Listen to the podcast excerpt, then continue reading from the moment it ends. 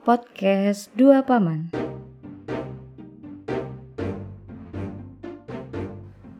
Selamat datang di podcast Dua Paman. Di sini bersama kami kembali, Paman Jack dan Paman Andika. Eh, dan sepertinya kita terlibat dalam perbincangan yang cukup menarik tadi sebenarnya. Jadi kita langsung saja menyambung gagasan besar apa tadi, Paman Andika yang gagasan kita besar. obrolin tadi.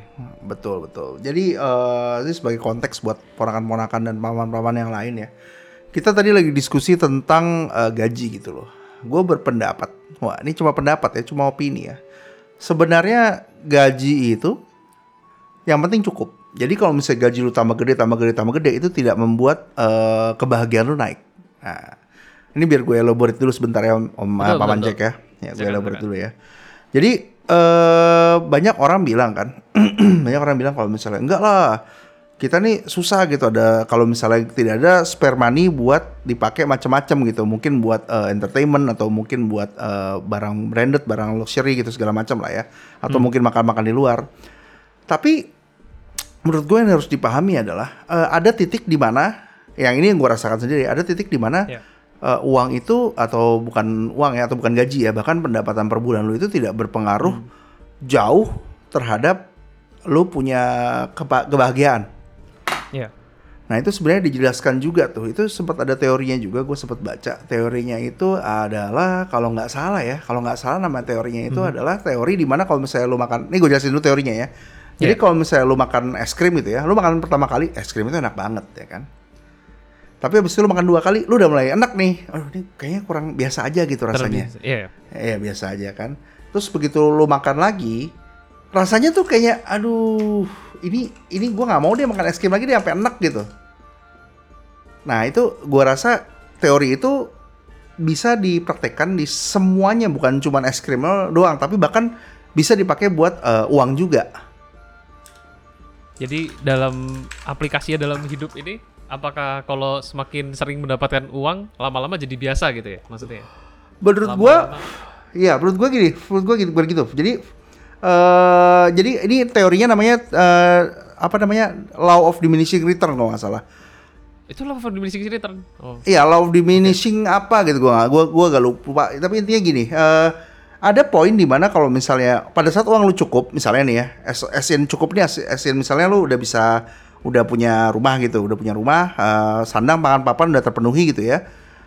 Dan lu hidup lu udah mulai nyaman nih, udah mulai bisa ada spare money buat beli-beli misalnya taruhlah bisa beli hobi, mungkin jam tangan, mungkin mainan, mungkin mobil, gua nggak tahu lah orang hobinya macam-macam ya. Betul.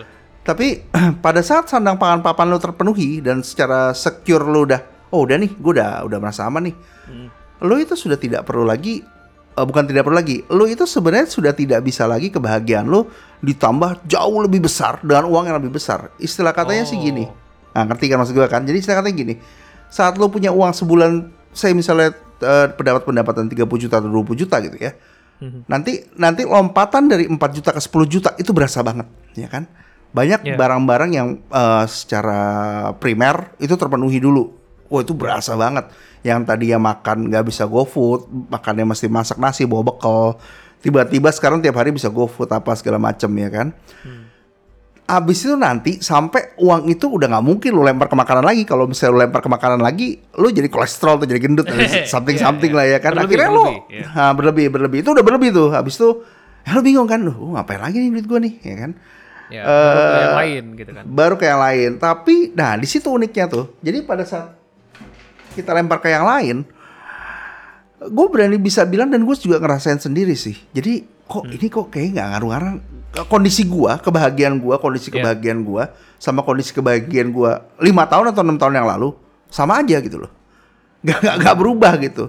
Bahkan gue juga sempat baca kalau misalnya manusia itu sangat fleksibel untuk kebahagiaan. Jadi misalnya dia tertimpa berita sedih, dia bisa Betul. rebound kembali, dia bisa rebound kembali. Jadi jadi itu jadi happiness itu benar-benar state of mind tuh. Benar, Gue, benar. benar. ah, gue mau mau mau karena kan banyak nih kemarin-kemarin kan para ponakan waktu lagi main game sama gue gitu ya, game online Valorant lu tahu lah lu Oh. pada main ya kan. Seperti ada pengalaman-pengalaman terdekat. Apa? Ya ada pengalaman terdekat terus habis mereka diskusi ya enak om kalau misalnya itu udah banyak gini-gini. Gue gue bilang Ah, nanti, nah ya, nanti ya, ada ya, ada ya. poin breakingnya tuh. Begitu lo ngeliatin poin breaking itu, nggak ada bedanya sebenarnya menurut gue sih Betul, sama betul, aja. Betul, betul, betul. Itu betul ya berarti ya?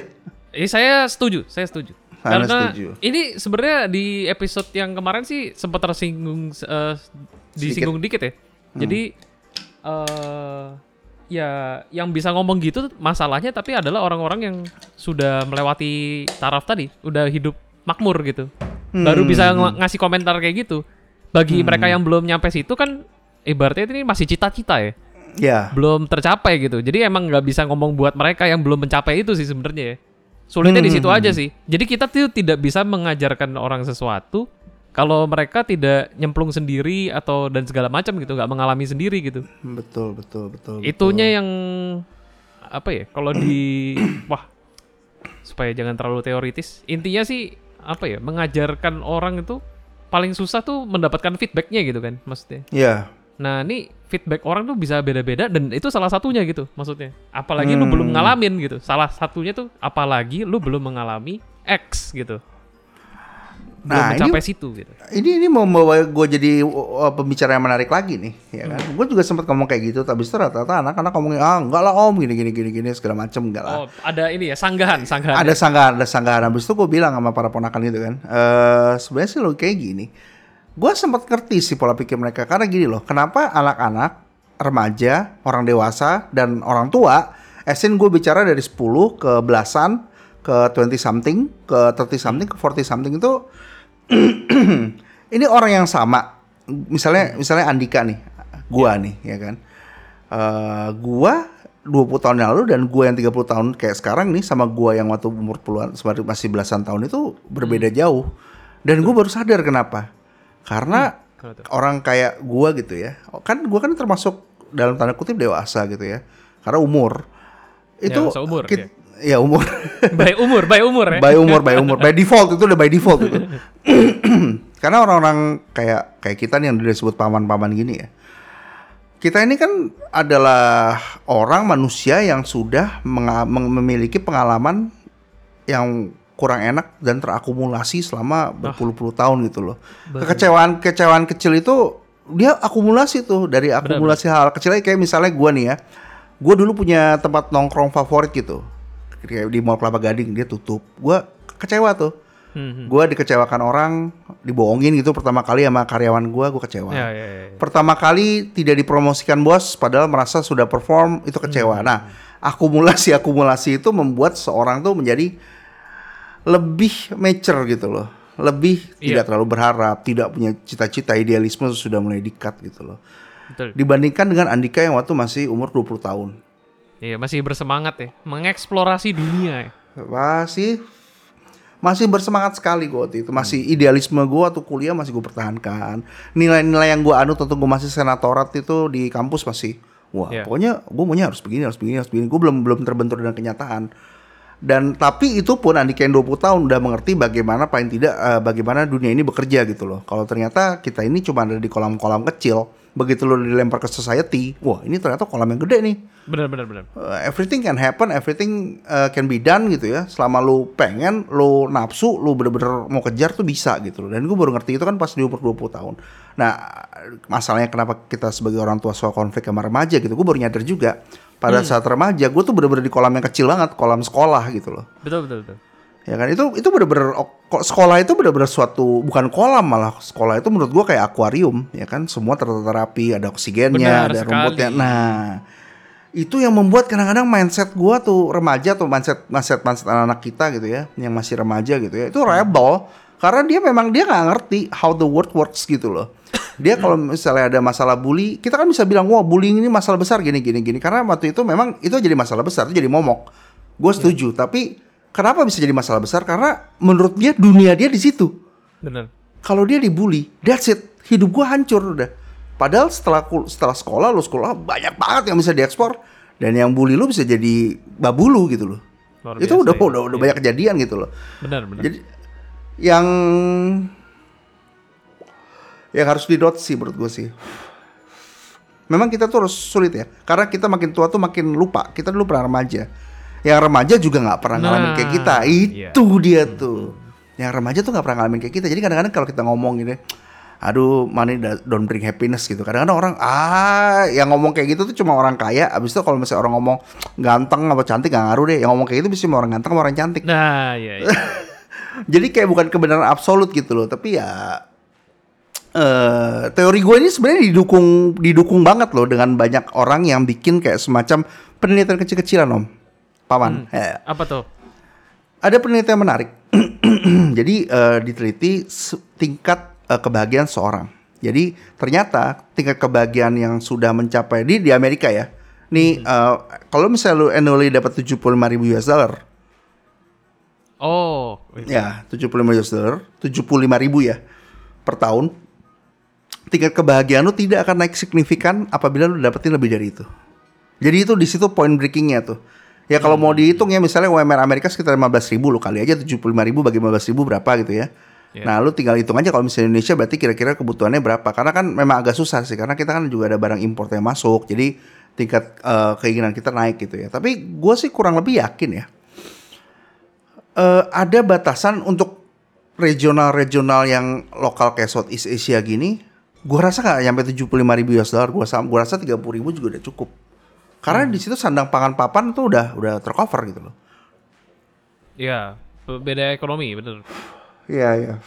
Maksudnya kalau mau disurvei di lokalisasi gitu ya, survei itu ya. Iya kalau mau di- dilokalisasi. Iya, intinya intinya tapi bener sih, gue juga ya gitu. eh permasalahannya sama beberapa ponakan dan juga teman-teman ya. Sulit mentransfer ini kan. Transfer knowledge tuh masih mungkin. Transfer experience itu loh yang tidak mungkin. Ah udah nggak mungkin. Masalahnya eh, masalahnya mungkin ya jadinya cuma bisa merelakan aja nih kalau masa ada orang curhat atau apa gitu misalnya ya. Hmm. Eh, kita kita cuman bisa jadi oh, wiser man aja gitu. Jadi kayak Iya, betul. oh ya gua ngerti posisi lo gitu maksudnya. Ngerti posisi lo dan segala macam dan nggak bisa berkomentar banyak gitu karena Hmm. eh, nggak tahu juga nih mereka detil masalahnya tuh sekompleks apa gitu di orang dan Iya. kebahagiaan tuh ini ya, abstrak sekali ya maksud gue. Wah abstrak abstrak banget. abstrak Karena sekali. Hmm. gua rasa kalau misalnya contoh yang paling simpel mungkin kalau misalnya kita ngomongin duit-duit lagi uang-uang lagi itu terlalu kompleks deh tapi yang gampang aja kayak gue lihat di belakang lo ada ada box Dungeon and Dragon tuh itu kan game board game kan Board game ya. gue bilang sama teman gue bro lu main Dungeon and Dragon bro itu seru banget terus temen gue nanya Dungeon Dragon tuh apa? Gue bilang eh coba lu lihat YouTube coba lihat YouTube. Orang ngeliatnya kan orang main board game pakai dadu abis itu pakai miniatur miniatur gitu yang dicat-cat Iya, kadang-kadang iya. gitu. Terus orang pada bilang kan gila apa serunya men? Itu itu apa gitu loh. Lu itu itu very boring. Karena dia ngeliatnya dari kacamata itu kan.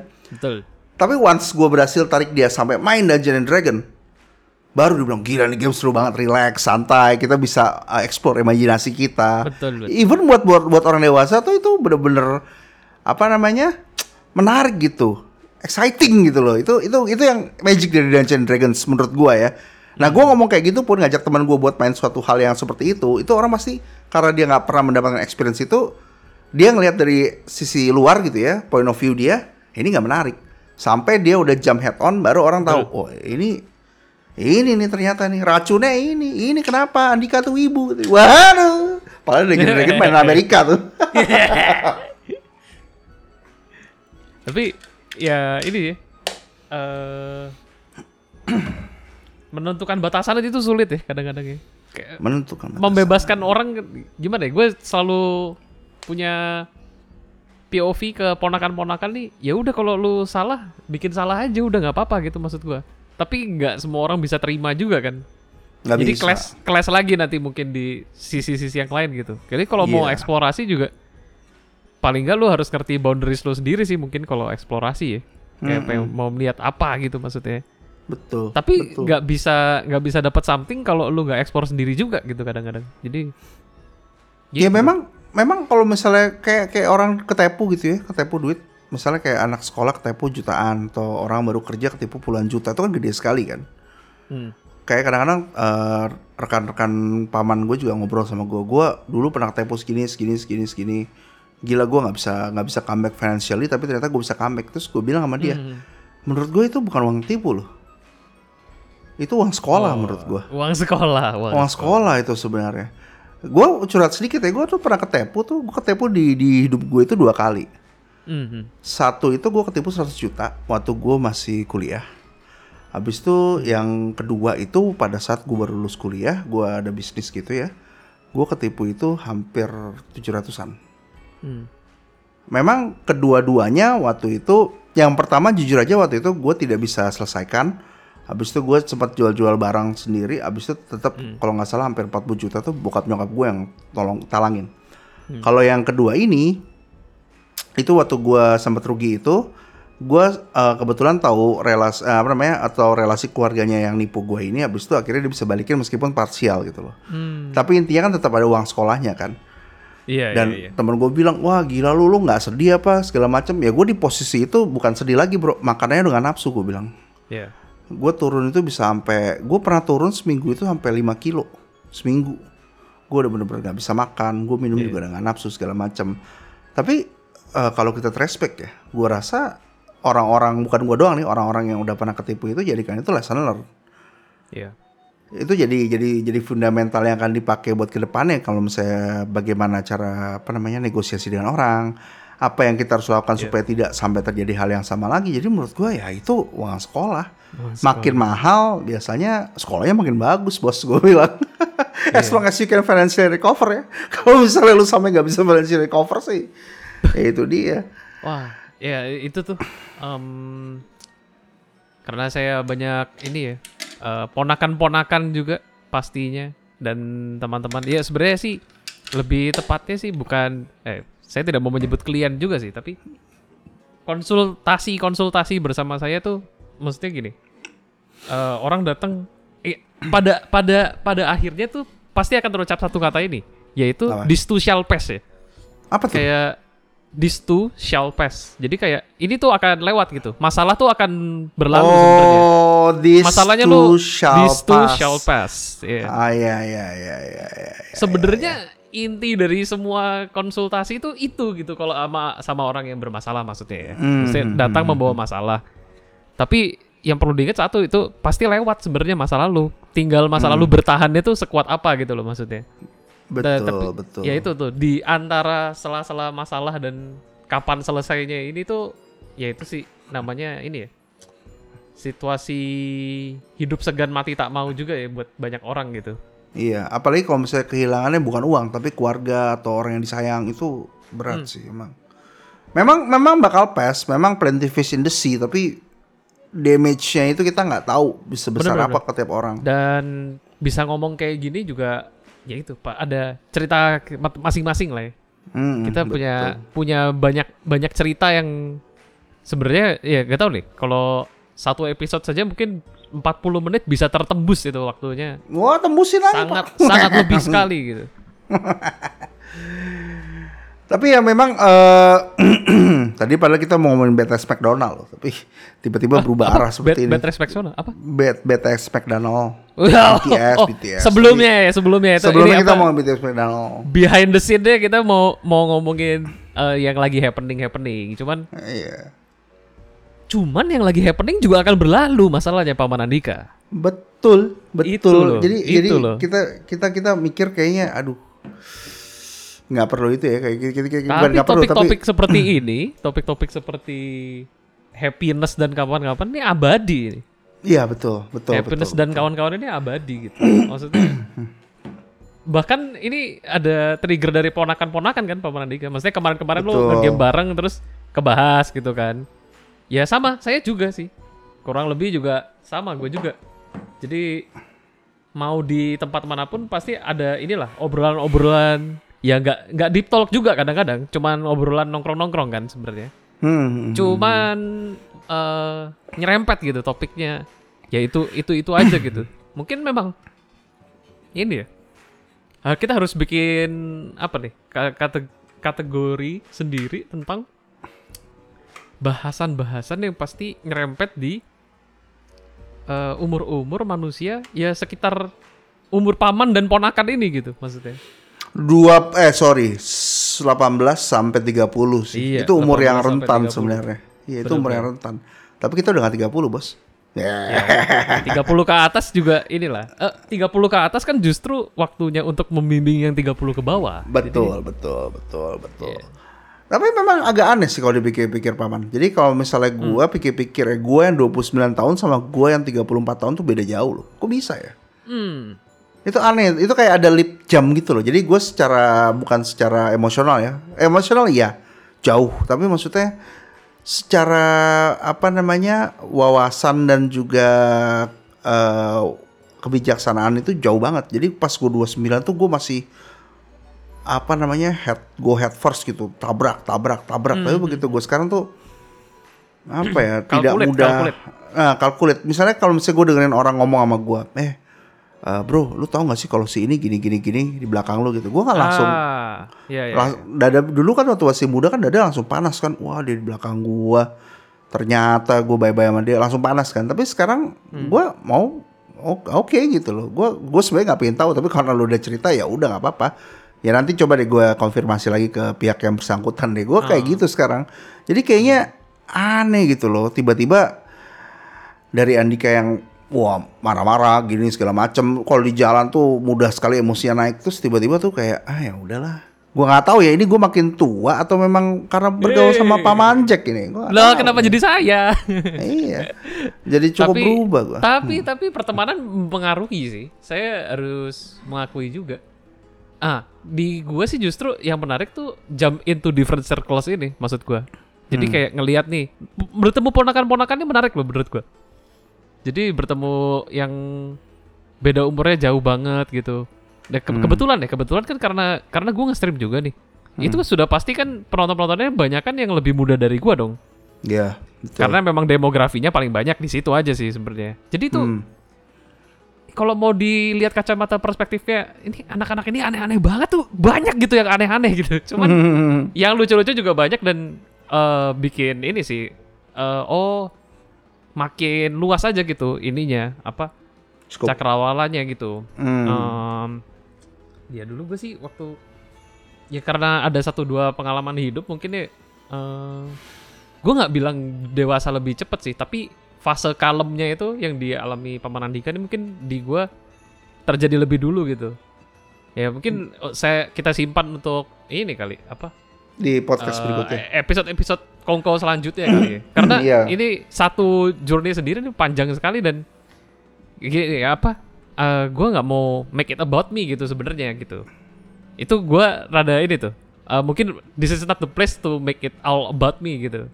Tapi Sebenarnya ya mungkin kita akan bikin ini ya episode khusus yang journey kita berdua aja gitu maksud gue menurut gue sih harus sih Turning Maksudnya point. mungkin mungkin kalau gue sih nggak ada yang terlalu mungkin menurut gue hidup gue nggak menarik sih cuma cuma banyak drama tapi sebenarnya drama dramanya menurut gue kalau dipikir-pikir nggak nggak nggak terlalu signifikan dalam dunia ini menurut gue drama gue mungkin mungkin kalau menurut gue lebih banyak yang bisa dipetik ilmunya dari lo. Jadi menurut gue sih kita sih worth it bikin satu episode buat eh, bikin kenapa sih kita bisa jadi manusia seperti ini?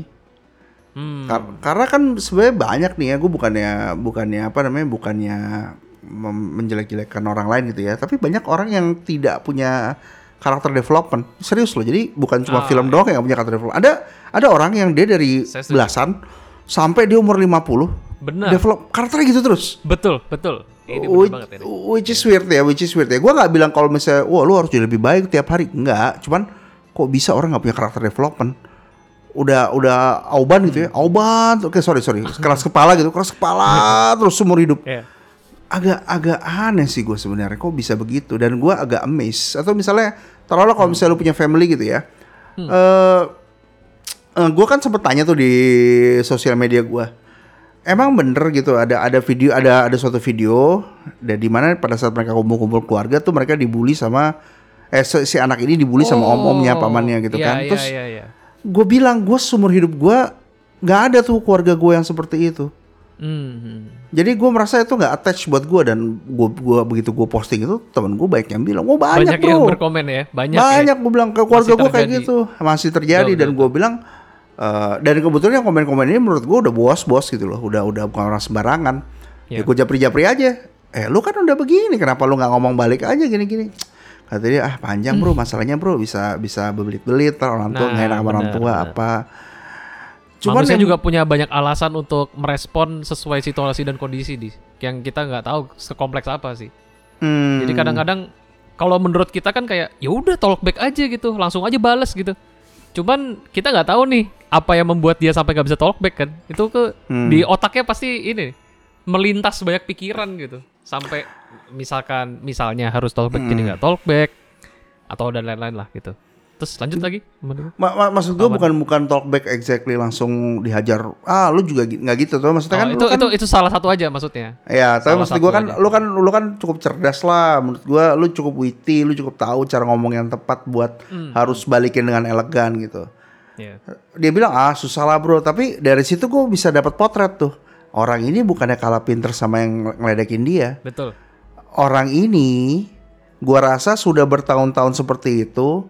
Dia akhirnya ah, udah ya udahlah gue gue dia dia masih tertekan. Jadi dia Iya. di satu sisi juga udah tertekan tuh. Padahal dia sekarang di dunia society perform gitu loh ya kan. Sedangkan di keluarga itu dilihatnya kurang aja. Ada Dilihatnya terus yang kurang. ah, ah, ah.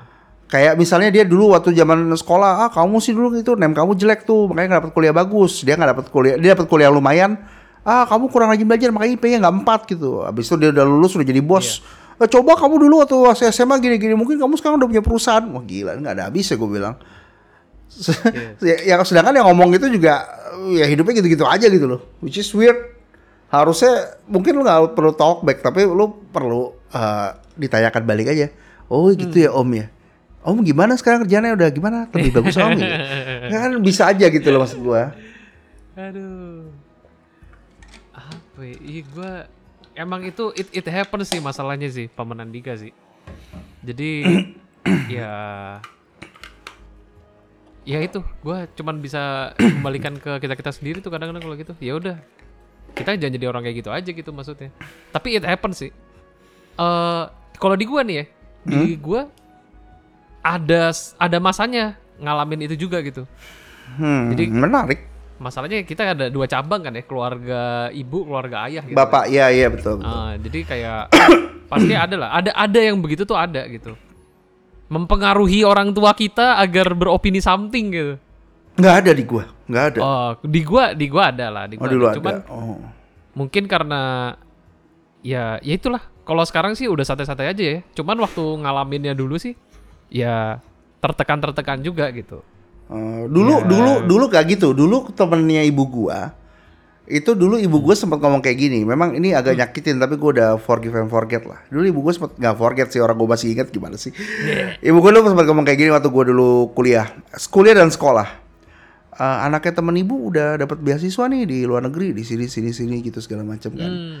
Anaknya temen ibu udah kuliah di sini sini sini sekarang udah ambil S2 segala macam gitu kan. Eh abis itu gua gua nggak memang nggak talk back apa segala macam. Tapi waktu itu pernah lagi kumpul-kumpul abis kumpul-kumpul sama teman-teman nyokap gua gitu ya. Waktu gua udah kerja. Udah udah baru-baru ini malah udah baru setahun belakangan ini. Terus gua tanya sama nyokap gua oh gimana tante itu anaknya? Udah udah jadi apa sekarang? Gitu. Gua gua gua gua gua cuma nanya doang. Gua genuinely gua nanya loh. Gua genuine gua. Iya. gua nggak nggak ada niat kayak misalnya oh, gua lebih sukses daripada anak anaknya temen lu. Tuh sekarang gua gak kayak gitu. Gue genuinely pengen nanya pengen tahu kabarnya anak anaknya tante yeah. ini gimana karena anak tante ini juga cantik juga gitu. Tapi habis itu eh uh, gue nggak jawab cuma bilang iya dulu sorry ya waktu itu dulu banding-bandingin ya ibu masih muda lah gitu-gitu. Oh ya oke okay lah. Padahal gue gue gue abis gue nanya lagi, gue gue abis gue nanya lagi.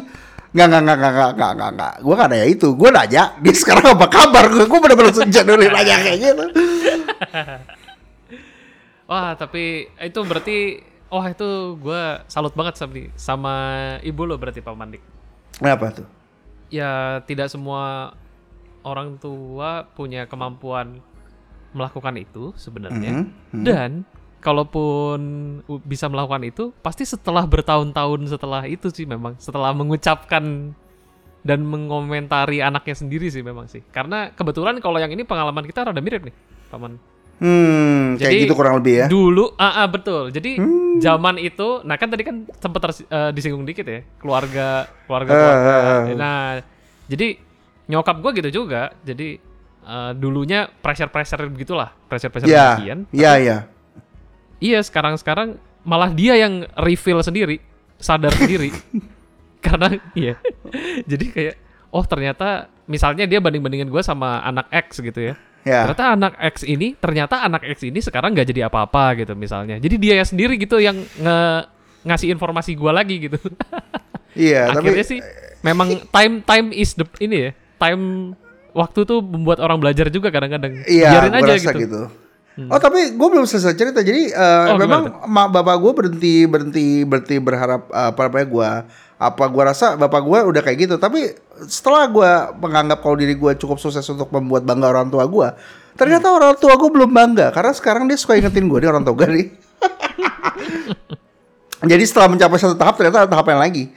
Dia dia WhatsApp gue kegagalan orang tua itu bukan karena anaknya kaya bertitle atau nggak jadi pejabat, tapi gagalnya orang tua itu bila anaknya tidak beribadah dan tidak mau tahu agamanya. Wah, wah, nih, ini berubah lagi nih. Lo dulu dulu dulu katanya gue mesti jadi sukses ya kan. Sekarang gue masih beragama nih. Ini hal yang berbeda. Kalau mau gue beragama kemarin-kemarin dari dulu gue dimasukin ke sekolah agama. Gue jadi ustadz sekarang gue bilang. Ini sulit ini agak bok gue mau baca agak bokangguan tuh gue gimana sih gue bingung Eh ini ini tapi relatable loh nih tapi sama banyak ponakan dan paman sekalian nih relatable menurut gua. Ini sampai Pasti. mati ini manusia tuh selalu dituntut gitu ya. iya gue bingung gitu loh mungkin memang memang memang orang tua gue yang tipe yang nuntut gitu maksudnya nuntut eh, wah juga jor-jorin tiap hari gitu enggak coba gue bingung ini nanti kalau gue jadi ustadz dia mau minta apa ya sama gue nih ada tuntutan apa lagi nih Cuma ya itu reasonable sih. Gue juga berharap banyak sama gue punya anak. Cuman gue sudah belajar. Gue nggak bisa nuntut nuntut kayak gitu. Maunya gue, gue mau bikin dia shape. Misalnya dia bintang, gue Ya. suruh dia jadi kotak. Dia cuma akan jadi bintang yang ketekuk gitu loh, crooked star jadinya. Padahal dia bintang, tapi dia ping- iya. tapi gue bentuk jadi kotak itu pasti crooked doang jadinya. Dia nggak Iya. akan jadi kotak. Nah itu susah sekali. Gimana cara menyampaikannya itu susah. Tapi nih dari tadi tuh kita ngobrol ini tuh emang masih nyambung sama menurut gue ya, masih ada benang merahnya sama topiknya kan tentang kebahagiaan ya. Betul. Ini ini semua nyambung loh menurut gue. Jadi dari sharing-sharing di tengah-tengah dan awal tadi kayak ya ya apa karena karena tekanan maksud gue ada tuntutan selalu dituntut melakukan sesuatu membuat kita tanpa sadar jadi ya udah nih harus achieving striving lebih baik lebih baik itu yang bikin eh yang bikin apa ya ya titik bahagia tuh seolah-olah jauh padahal deket gitu maksud gue Iya, betul. Yang tadinya gua pikir kebahagiaan itu kalau misalnya lu mau apa lu bisa beli. nah Ternyata kebahagiaan itu adalah gua gua gua, gua kan sering nih. Gua kan sering gua cerita dulu, gua sering dulu sering banget dulu pergi ke luar kota gitu. Terus habis itu dibayarin di hotel-hotel yang lumayan gitu kan. Terus gue baru merasa ini gue lonely sekali nih. Lihat pemandangan bagus tuh sendirian. Aduh nggak enak banget. Lebih enak bahwa kalau misalnya keluarga gue ikut gitu. Gue baru nggak kenapa dulu mak bapak gue tuh suka maksa gue ke sini lah ke situ. Padahal gue nggak happy. Gue nggak suka ke puncak ke Bogor gitu. Gue nggak suka. Tapi gue baru nyadar ternyata happinessnya mereka itu adalah pada saat mereka jalan bawa anak-anaknya sekeluarga kumpul gitu loh. Nah sebenarnya happiness segampang itu doang loh, bukan nggak nggak masalah tempatnya, tapi masalahnya adalah dengan siapa. Iya betul Lo punya lo punya apartemen mewah gitu ya, exam- example gitu, ya, lo punya apartemen mewah tapi lo tinggal sendiri without someone to spend gitu ya, itu juga itu juga part of happiness gitu. Meskipun ada orang-orang yang bisa mandiri, tapi gua rasa mayoritas orang biasanya ya butuh eh, teman, teman hidup, teman apa, pokoknya teman lah. Pokoknya dia butuh orang-orang yang di yang yang dekat sama dia tuh bisa merasakan experience yang sama dan membagi eh, apa namanya momen yang sama sebenarnya. Ya happiness itu simple banget sebenarnya. Wah gila, kenapa jadi epiphany begini nih? wah eh iya gue juga gue rada susah menambahkan ini sih menambahkan apa tidak ada yang bisa ditambahkan lagi gitu menurut gue Tidak ada yang bisa tambahkan kayak lagi. betul kayak seek for yourself sih maksudnya kalau Iya. kebahagiaan tuh dan ya bertahan aja sih kalau misalkan eh ini ngomongnya sih seolah-olah gampang ya gampang. Uh, ngomongnya ngomong ngomong sih memang paling mudah ya cuman ya I know lah yang mengalami pasti mengalami kesulitan atau belum mencapai bahagia yang lu mau versi lu gitu Hmm. bahkan kalau lu udah sampai capai kebahagiaan yang lu mau versi lu aja belum tentu itu titik terakhirnya gitu. Betul. Sebenarnya ada yang mau gua tambahin sih paman. Nah, Jadi gini, gimana gimana, Pak? Ini banyak banyak banyak kita tuh terlalu banyak kecuci otak tuh sama buku-buku waktu kita masih kecil. Makanya gue bener-bener filter gitu. yang anak gue baca. Jadi gini, selalu buku-buku zaman dulu eh, ceritanya seperti ini ada ada konflik, habis itu konflik itu selesai, resolve, habis itu happily ever after. Ah, Nah, ini menurut gue ini pengaruh nih. Oh, dongeng nih, ini dongeng nih, Iya, kayak dongeng, dongeng. Twitter ya kan. Happily ever after tuh nggak ada, betul sekali. tidak ada. Kembali lagi yang pertama tadi kita bahas, happiness is a state of mind. Nggak ada happily ever, ever after. Kalau kenyamanan ever after ada, Ya. ada tuh nyaman ever after. Duit lu banyak, iya. lu punya tabungan, ya kan, lu punya invest, Iya. invest lu habis itu punya comeback revenue yang besar gitu ya, lu nyaman. Karena Iya. uang itu tidak bisa membeli kebahagiaan, tapi bisa membeli kenyamanan, which is part Betul. of it gitu. Jadi harus Part dipahami of, nih, benar, benar. itu part of happiness, Iya. not the happiness itself, it's the part of happiness. Nah, karena kita suka suka baca-baca buku kayak gitu, su- suka baca cerita sukses. Cerita sukses itu berakhir di buku itu. Orang yang lu baca kesuksesannya berakhir di buku itu. Belum tentu setelah buku itu berakhir dia happy. Itu itu itu krusial sekali. Jadi orang baca buku-buku motivasi, baca buku-buku itu, men, abis abis dia nulis buku kalau misalnya dia sukses menjadi seorang eh, ahli MLM atau dia menjadi agen asuransi yang hebat gitu ya, it's not over yet. Yep. Masih ada lu bisa jadi agen asuransi, masih ada nasabah-nasabah lu yang komplain apa berjalan masih ada, masih ada yang merasa nggak fair apa segala macam. Lu jadi banker sukses, banker banyak problemnya gitu loh. Lu jadi sales marketing sukses, banyak banget itu problemnya belum selesai, tidak selesai sampai di situ. It's a part of process. Jadi Ya. menurut gua bukan cuma state of mind, happiness itu juga proses. Itu cuma prosesnya doang menuju ke lo game over. Betul sekali. bukan itunya, bukan goalsnya gitu loh. Happinessnya itu justru ada di prosesnya. Kalau gua boleh mendoakan orang lain tuh sebenarnya tapi agar mereka punya waktu sih. Hmm, waktu itu buat. aja. Ya jadi waktu untuk mencerna dan memproses segala sesuatu gitu. Hmm. Kalau dia masih sedih, bisa memproses kesedihannya. Kalau bahagia, bisa memproses kebahagiaan. bahagiannya. Jadi Iya. kayak kalau buat gua juga kenapa apa ya? Bisa dibilang cukup zen lah. Hmm. Eh, salah satu rulesnya nih kalau saya paman Andika. Jadi Hmm. kalau misalkan lu sukses sukses banget, lu nggak perlu terlalu bahagia bahagia banget juga, nggak perlu Iya. terlalu over happy. Kalau lu sedih juga tidak perlu terlalu overset gitu. Hmm. Kayak di tengah-tengah saja. Jadi ya balance. Balance. Ya, namanya balance. Jadi kayak that's why eh, apa ya? Dulu waktu kecil Hmm. ada logo yin yang ya. Ya betul. ha? Dulu buat gua tuh logo yin yang tuh kayak cuman sekedar logo yang keren aja karena wih keren deh bentuknya terus bisa dibentuk macam-macam Oh, gitu. Iya, iya. Eh, tapi hari ini gua menghidupi si filosofinya si logo yin yang itu gitu to the fullest Hmm. gitu bersama orang-orang tercinta. Orang-orang Betul. tercinta. Banyak loh yang nggak ngerti itu logo logo hitam putih itu arti, intinya apa, core-nya apa tuh banyak yang nggak ngerti loh. iya benar-benar Banyak banget. Gue sempet tanya sama teman gue, lu tau gak logo apa? Logo kungfu. Iya, gue Iya, bilang. betul. Iya, itu logo kungfu, benar. Padahal itu meaning of filosofinya dalam sekali. Betul. Dan gak semua orang tahu loh. Which is eh, tadi yang diomongin sama Paman Cek itu bener tuh. Kalau happy jangan terlalu happy, kalau misalnya lagi sedih jangan terlalu sedih karena ini contoh gampangnya aja ya. Kalau gue tanya sama orang lagi patah hati, lu kenapa sih sedih banget cuy? lu bisa nggak processing dan lu tahu kenapa yang membuat lu sedih itu apa? Ya gue kehilangan dia bro, gini gini gini. Iya, gue ngerti lu kehilangan dia, tapi lu sedihnya kenapa? Dia sendiri juga nggak bisa ngejawab itu. Padahal jawabannya udah dijawab sama Pak Mancek tadi itu. Karena waktu lu lagi happy sama dia, lu happy banget. Happy-nya udah over the top. Dan lu merasa kebahagiaan lu tuh dia gitu loh. Padahal enggak. Enggak juga. Mau mau jadi istri pun juga ya nggak bisa. Kita nggak bisa mengandalkan itu kalau misalnya dia ada hidup selamanya ataupun lu hidup selamanya juga nggak mungkin gitu loh. Jadi biasa aja gitu. Lu kalau sayang sama orang ya sayang aja biasa. Sayang mah boleh setia sih wajib. Cuman kalau misalnya lu menumpukan kebahagiaan lu ke dia itu nggak fair buat dia juga dan buat lu. Luar biasa. Ngeng ngeng ngeng ngeng ngeng ngeng ngeng ngeng. Ngeng ngeng ngeng ngeng ngeng